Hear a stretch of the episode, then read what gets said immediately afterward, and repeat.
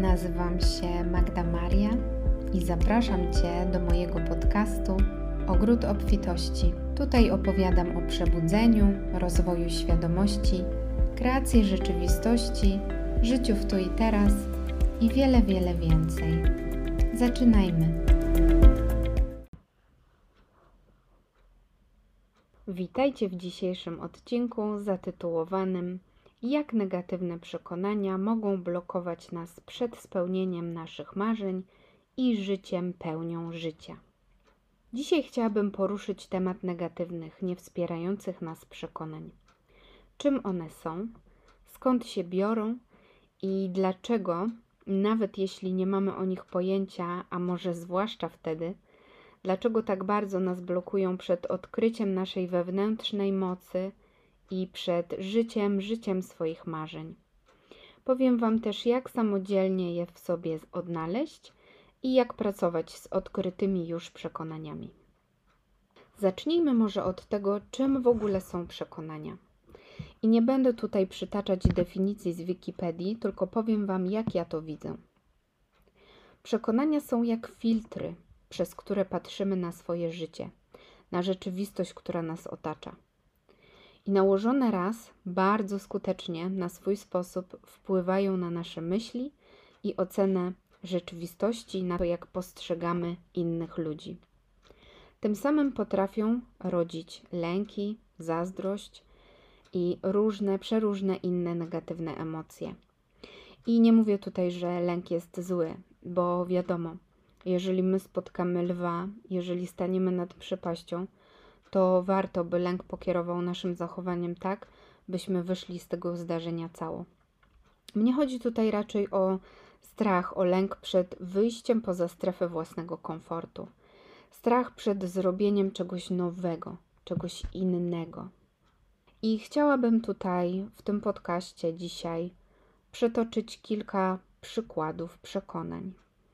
Pierwszym z nich jest przekonanie, które brzmi: Ciężko jest być samozatrudnionym. Z tego przekonania może wynikać myśl, że jeśli otworzę swoją własną firmę, to na pewno nic nie zarobię. Podatki i opłaty pochłoną cały mój zysk i ogólnie na pewno mi się nie powiedzie, więc zaczynanie czegokolwiek w ogóle nie ma sensu Poza tym nikt nie kupiłby moich produktów czy usług.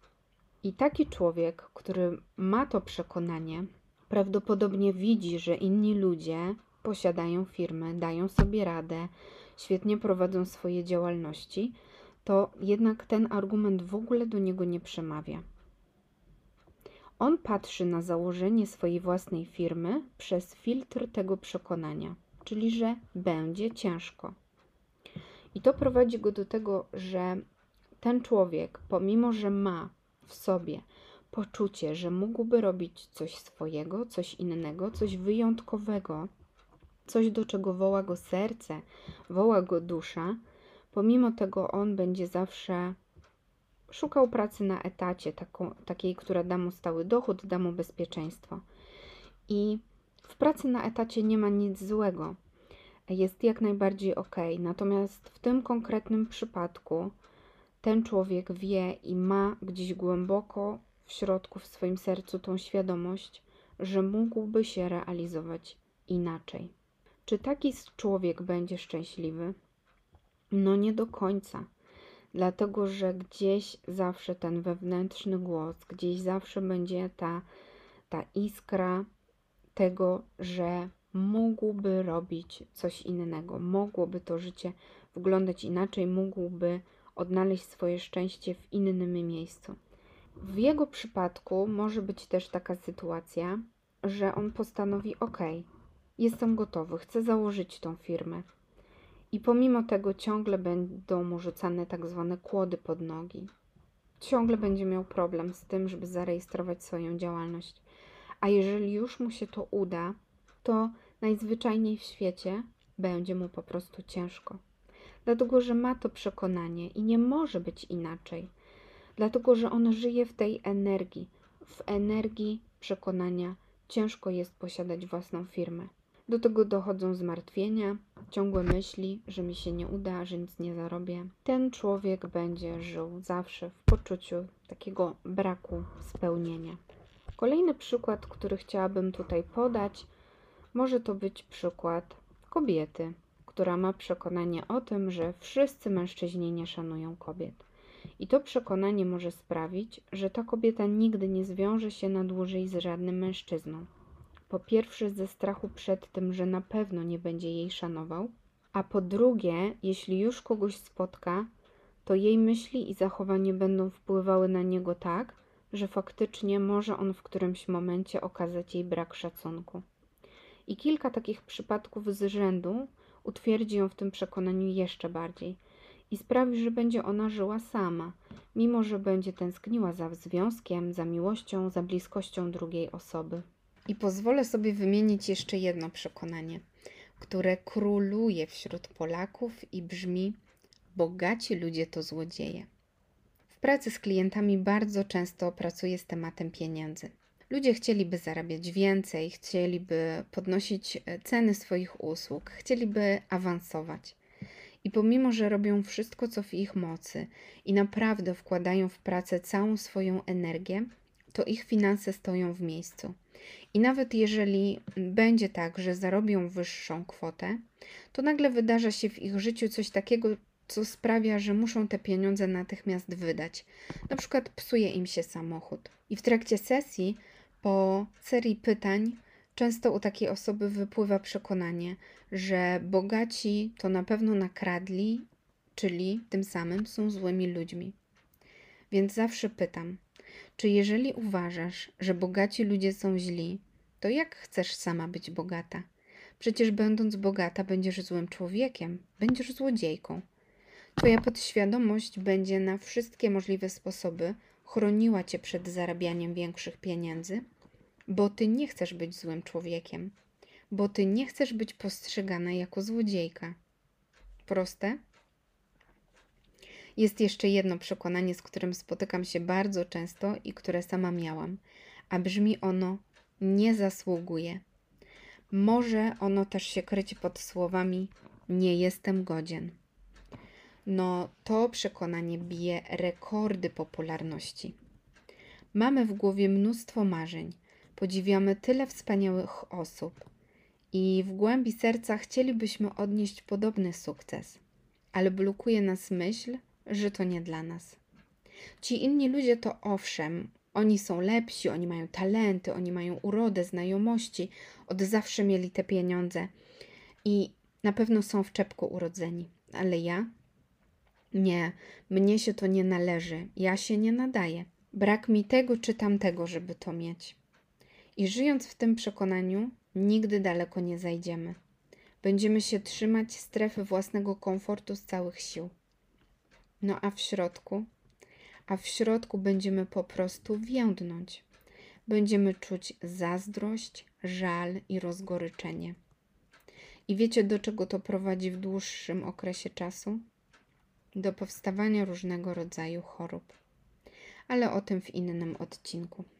Przykładów różnych przekonań dotyczących pieniędzy i nie tylko mogę wymieniać setki. I wkrótce pojawi się też na moim kanale ćwiczenie, które każdy będzie mógł samodzielnie wykonać. I w trakcie tego ćwiczenia będzie można sprawdzić, jakie przekonania w różnych aspektach życia mam jeszcze do przepracowania. Kiedy to ćwiczenie będzie dostępne, dam Wam oczywiście znać. A tymczasem chciałabym poruszyć temat podświadomości, dlatego że tam jest zgromadzona większość naszych przekonań. Dlaczego mówię, że większość, a nie wszystkie? Ponieważ część przekonań jest rodowa, czyli zapisana w naszych komórkach, w naszym DNA, i część też przekonań przyniosła nasza dusza ze sobą z poprzednich wcieleń. Ale skupmy się na razie na tych przekonaniach, które są z nami w tym wcieleniu od dzieciństwa. Więc wróćmy do podświadomości. Podświadomość, jak ja to mówię, gra pierwsze skrzypce w naszym życiu. To znaczy, że po pierwsze, Kontroluje ona wszystkie procesy w naszym ciele. Procesy takie jak trawienie, oddychanie, jak bicie serca. A ponadto przechowuje ona ogromne ilości informacji. Są to informacje zapisane w niej od momentu, gdy byliśmy płodem w łonie naszej matki. Już wtedy nasza podświadomość kodowała odczucia i emocje naszej mamy. I pamiętajmy o tym, że były to zarówno pozytywne, jak i negatywne emocje. Podświadomość nigdy nie zapomina tego, czego raz doświadczyła, i przez to właśnie wpływa na nasze zachowania, myśli i działania w naszym życiu. Podświadomość także nie rozróżnia, co jest dobre, a co złe, czyli sama nie jest w stanie stwierdzić, o, to zachowanie czy ta emocja już mi nie służy, to ją wykasuje. Nie, ona przechowuje wszystko takie, jakie jest. Podświadomość podtrzymuje instynkty i generuje nasze nawyki. Jeśli mamy trudne przeżycia za sobą, no a kto z nas nie ma, to nasza podświadomość będzie tak sterowała naszymi zachowaniami, aby uchronić nas przed ponownym doświadczeniem takich traum. Tak samo jest mm, ze standardowymi, powiedzmy, przekonaniami. Jeśli w dzieciństwie mówiono nam na przykład, że pieniądze są złe, że trzeba być pokornym i cichym, albo że jesteś głupcem, jesteś grubasem, jesteś łamagą i ogólnie na nic nie zasługujesz, to te przekonania sterują teraz naszym życiem i nie pozwalają się nam wybić ponad to, co znamy. Co jeszcze warto wiedzieć o podświadomości? Podświadomość tworzy nasze nawyki, dlatego każdy, kto jeździ samochodem, kto ma prawo jazdy, na pewno zna ten moment, w którym dojeżdża do jakiegoś miejsca i zdaje sobie sprawę, że nie pamięta całej trasy i nie pamięta, czy na skrzyżowaniu było zielone czy czerwone światło. Podobnie też potrafimy we własnym domu po ciemku trafić do łazienki, albo dokładnie wiemy, w którym miejscu na ścianie jest włącznik światła.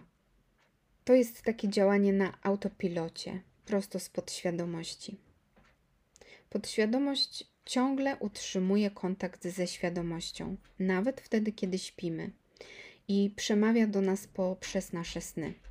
Generalnie podświadomość uwielbia obrazy, ale do tego też dojdziemy za chwilę. Jeśli chodzi o pracę z podświadomością, to warto wiedzieć, że mamy na nią największy wpływ wtedy, kiedy jesteśmy rozluźnieni, wtedy, kiedy nasze ciało jest rozluźnione i wtedy, kiedy nasz umysł jest rozluźniony, kiedy nie ma w nim gonitwy myśli, kiedy panuje cisza i spokój. Podświadomość nie rozróżnia czasu. Wspomnienia z przeszłości wywołują w naszym ciele taki sam stan, jakby to była rzeczywistość, jakby to się działo tu i teraz. I podświadomość tak naprawdę nie wie, co dzieje się w naszej wyobraźni, a co dzieje się naprawdę, co jest w rzeczywistości. Dlatego tak bardzo skuteczną metodą pracy z podświadomością w celu zmiany przekonań jest praca w trakcie głębokiej medytacji. Ale o tym powiem jeszcze za chwilę. Najpierw powiem Wam, jak samodzielnie pracować z przekonaniami. Jest pięć kroków do zmiany przekonań.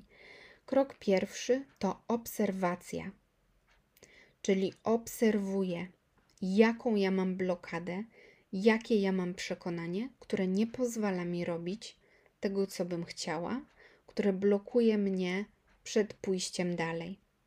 Kiedy już zaobserwuję i widzę, co to jest, i wiem, zdaję sobie sprawę, to mam krok drugi, czyli akceptacja.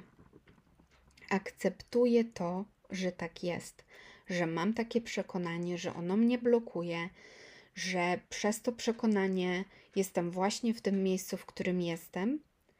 Akceptuję to i też doceniam, czyli mogę sobie pomyśleć, przed czym to przekonanie do tej pory mnie chroniło i czego mnie nauczyło. Kiedy już to zaakceptuję, mam krok trzeci ukochanie. Ukochanie jest jednocześnie uzdrowieniem.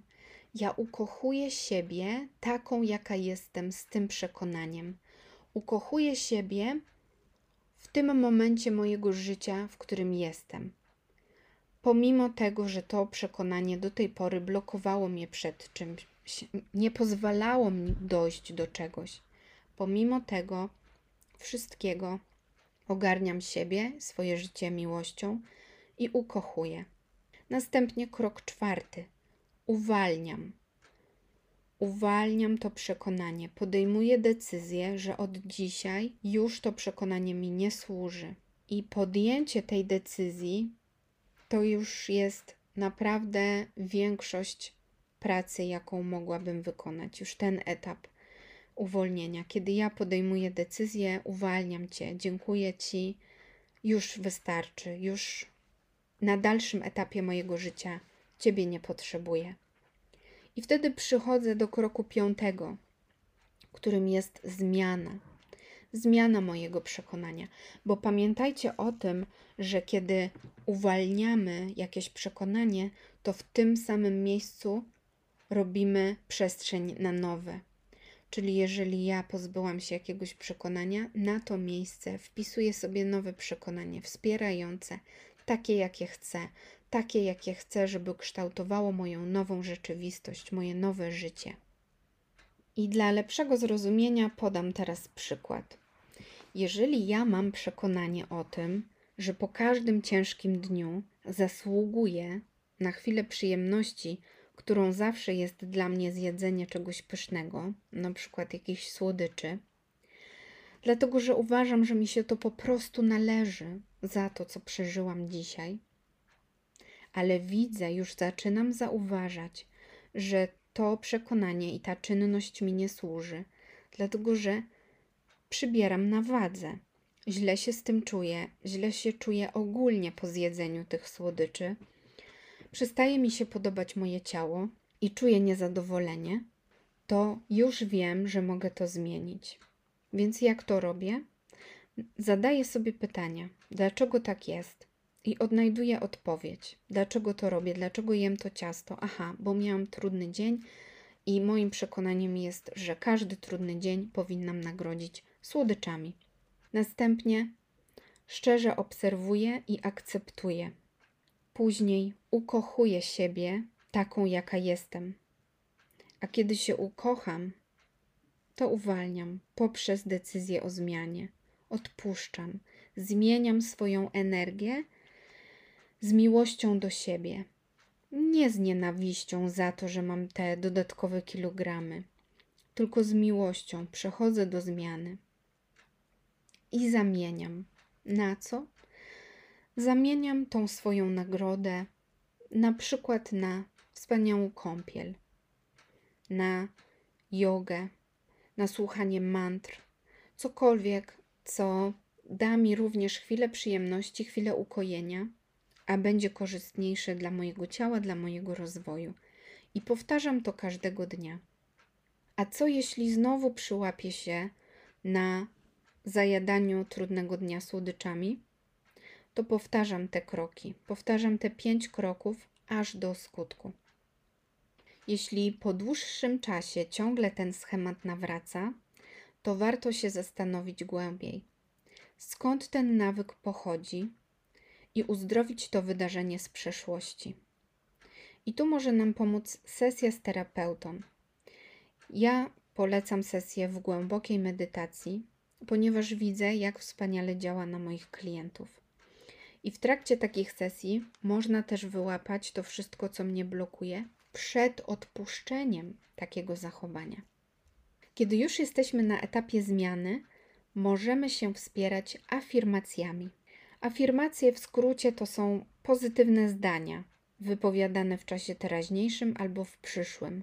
Na przykład: Jestem mądra, jestem wspaniała, jestem wystarczająco dobra, ja od zawsze byłam mądra, ja od zawsze odnosiłam sukcesy i tak dalej. Afirmacje powtarzane regularnie odciskają się na naszej podświadomości i stają się naszą prawdą. Jeśli ktoś miał przekonanie, jestem gruba, to pamiętajcie, że nie afirmuje, nie jestem gruba, tylko afirmuje, jestem szczupła, Moje ciało jest szczupłe, ja od zawsze byłam szczupła. Jeżeli podczas wypowiadania afirmacji czujesz opór, to wiedz, że to jest naturalne. I pamiętaj, że słowa mają ogromną moc, bo skoro mówi się już od dawna, że kłamstwo powtarzane tysiąc razy staje się prawdą, to każda nasza afirmacja też może stać się naszą prawdą.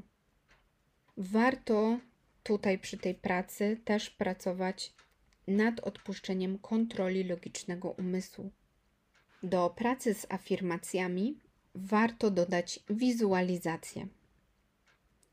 Jak powinna wyglądać prawidłowa wizualizacja i kiedy najlepiej ją robić? Wizualizacja powinna być bardzo szczegółowa.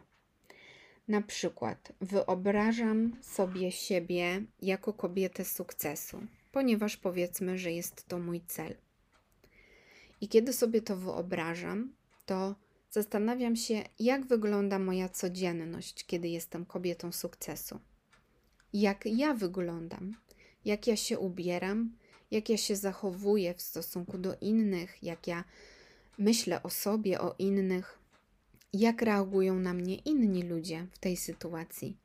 I ogólnie, jak wygląda moje życie, gdzie mieszkam, co robię, jakim samochodem jeżdżę itd., tak itd. Tak Staramy się, aby ta wizualizacja była bardzo szczegółowa.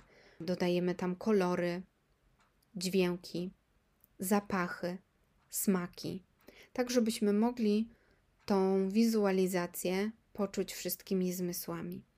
A co najważniejsze, pamiętajmy o tym, żeby poczuć, jak to jest być właśnie tą kobietą sukcesu. Poczuć to w ciele. Co mi to daje, że ja jestem kobietą sukcesu? Najczęściej klienci mówią mi, że podczas tych wizualizacji odczuwają szczęście i spokój. Więc kiedy to robimy, warto odnaleźć w sobie te uczucia i zapamiętać je. Zapamiętać, gdzie je czuję w ciele i jak to jest, jak to jest czuć szczęście, jak to jest czuć spokój, miłość, akceptację i inne wspaniałe uczucia. Kiedy mamy już tą swoją idealną wizualizację, należy ją również powtarzać, tak jak afirmacje. Najlepiej to robić w momencie, kiedy nasze ciało i nasz umysł są zrelaksowane. I jest to przede wszystkim ten moment, kiedy budzimy się rano. Kiedy budzimy się, otwieramy oczy, ale czujemy jeszcze, że jesteśmy tacy zaspani. Wtedy warto przywołać w myślach tą wizję i powtarzać ją. Podobnie jest, kiedy kładziemy się spać. Już leżymy w łóżku, kładziemy głowę na poduszkę, zamykamy oczy i wtedy znowu jest ten wspaniały moment na to, żeby wizualizować sobie życie swoich marzeń. A co w sytuacji, gdy afirmacje i wizualizacje jednak nie działają? Kiedy problem nawraca i czujemy, że stoimy przy ścianie i nie potrafimy pójść dalej we własnym życiu. I wiemy, że zrobiliśmy już kilka kursów na przyciąganie pieniędzy, przeczytaliśmy kilka książek, a kiedy patrzymy na swoje życie, to ciągle mamy tyle samo pieniędzy na koncie, a czasami może nawet mniej. Wtedy, moi drodzy, trzeba szukać głębiej. Być może pod przekonaniem bogaci ludzie to złodzieje jest wiele innych przekonań. Na przykład takie, że powinno się być skromnym, że pieniądze szczęścia nie dają. Warto też szukać przyczyny tych przekonań w trakcie sesji indywidualnych z terapeutą. Być może mamy rodowe przekonania o tym, że lepiej być biednym człowiekiem, że nie powinno się odstawać. A może coś z poprzednich wcieleń ciągnie się za nami. Cokolwiek by to nie było, warto szukać i pracować z tym tematem. I pamiętajmy, że jest to proces. Czasem wystarczy kilka afirmacji, czasem wystarczy jedna sesja, a czasem zajmuje to miesiące, zanim dojdzie do faktycznej zmiany w naszym życiu, w naszym myśleniu.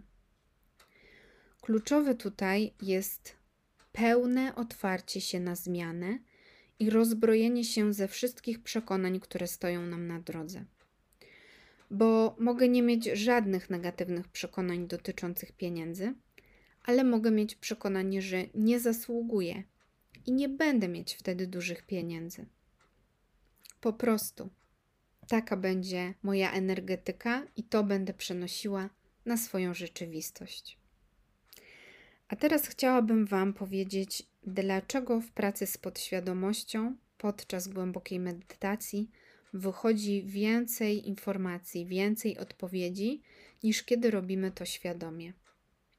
Sesja ze mną wygląda w ten sposób, że klient mówi mi, jaki ma problem, i ja zadaję zawsze na początku kilka pytań, żeby się zorientować, mm, jak to życie klienta wygląda i jak on się z tym czuje.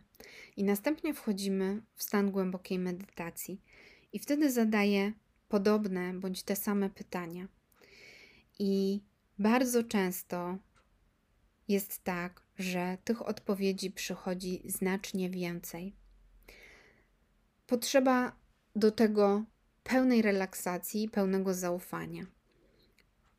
Jeżeli klient się temu podda, to pod wpływem pytań zaczynają napływać do niego odpowiedzi. Dlaczego tak się dzieje? Dlatego, że jego umysł wchodzi w stan fal alfa i fal teta i ciało jest rozluźnione. Klient jest świadomy, wie o tym, co się dzieje, wie, że jest w stanie głębokiej medytacji, ale jest na tyle rozluźniony, że otwierają się drzwi do jego podświadomości. I wtedy zaczynają napływać te prawdziwe odpowiedzi, te odpowiedzi z głębi. I nagle okazuje się, że to pewna sytuacja z przeszłości, pewna sytuacja z mojego dzieciństwa blokuje mnie dzisiaj w dojściu do czegoś, w dokonaniu czegoś, w dokonaniu pewnej zmiany w moim życiu. I klient ma wtedy takie: Wow, nie sądziłem, że to ma wpływ na mnie. Albo mówi: Ja już zupełnie o tym zapomniałem, że coś takiego było w moim życiu ale rzeczywiście wygląda na to, że ta sytuacja i te emocje, które wtedy przeżyłem, odzwierciedlają się w mojej rzeczywistości teraz. I dzięki temu na głębokim poziomie możemy dojść naprawdę do podstaw pewnych przekonań, podstaw pewnych nawyków i emocji, i znajdujemy odpowiedzi, na które podczas myślenia tym świadomym umysłem no, nie, zna, nie znaleźlibyśmy tych odpowiedzi w sobie. E, przyszedł kiedyś do mnie ktoś z pytaniem, mm, z problemem w zasadzie obiadania się. I wydawało się, że to obiadanie to jest po prostu stres. A kiedy zajrzeliśmy głębiej, bardzo głęboko, okazało się, że to dzieciństwo i to, jak ta osoba była traktowana w dzieciństwie i to, co przeżyła w dzieciństwie, ma wpływ na to, że teraz w tym, w teraźniejszości, w dorosłości po prostu się objada. I kiedy w trakcie głębokiej medytacji, w trakcie sesji mamy już te wszystkie przekonania wyciągnięte, możemy się ich pozbyć, możemy je uleczyć, uwolnić, otoczyć głęboką miłością, ze wsparciem miłości Stwórcy wszystkiego, co jest, i wtedy na to miejsce możemy wpoić sobie zupełnie nowe przekonania, nowe nawyki, a także nowe uczucia i emocje, nawet takie, których do tej pory nie znaliśmy. Tym samym stajemy w nowej energii i z nowego miejsca możemy zacząć dalsze życie życie naszych marzeń.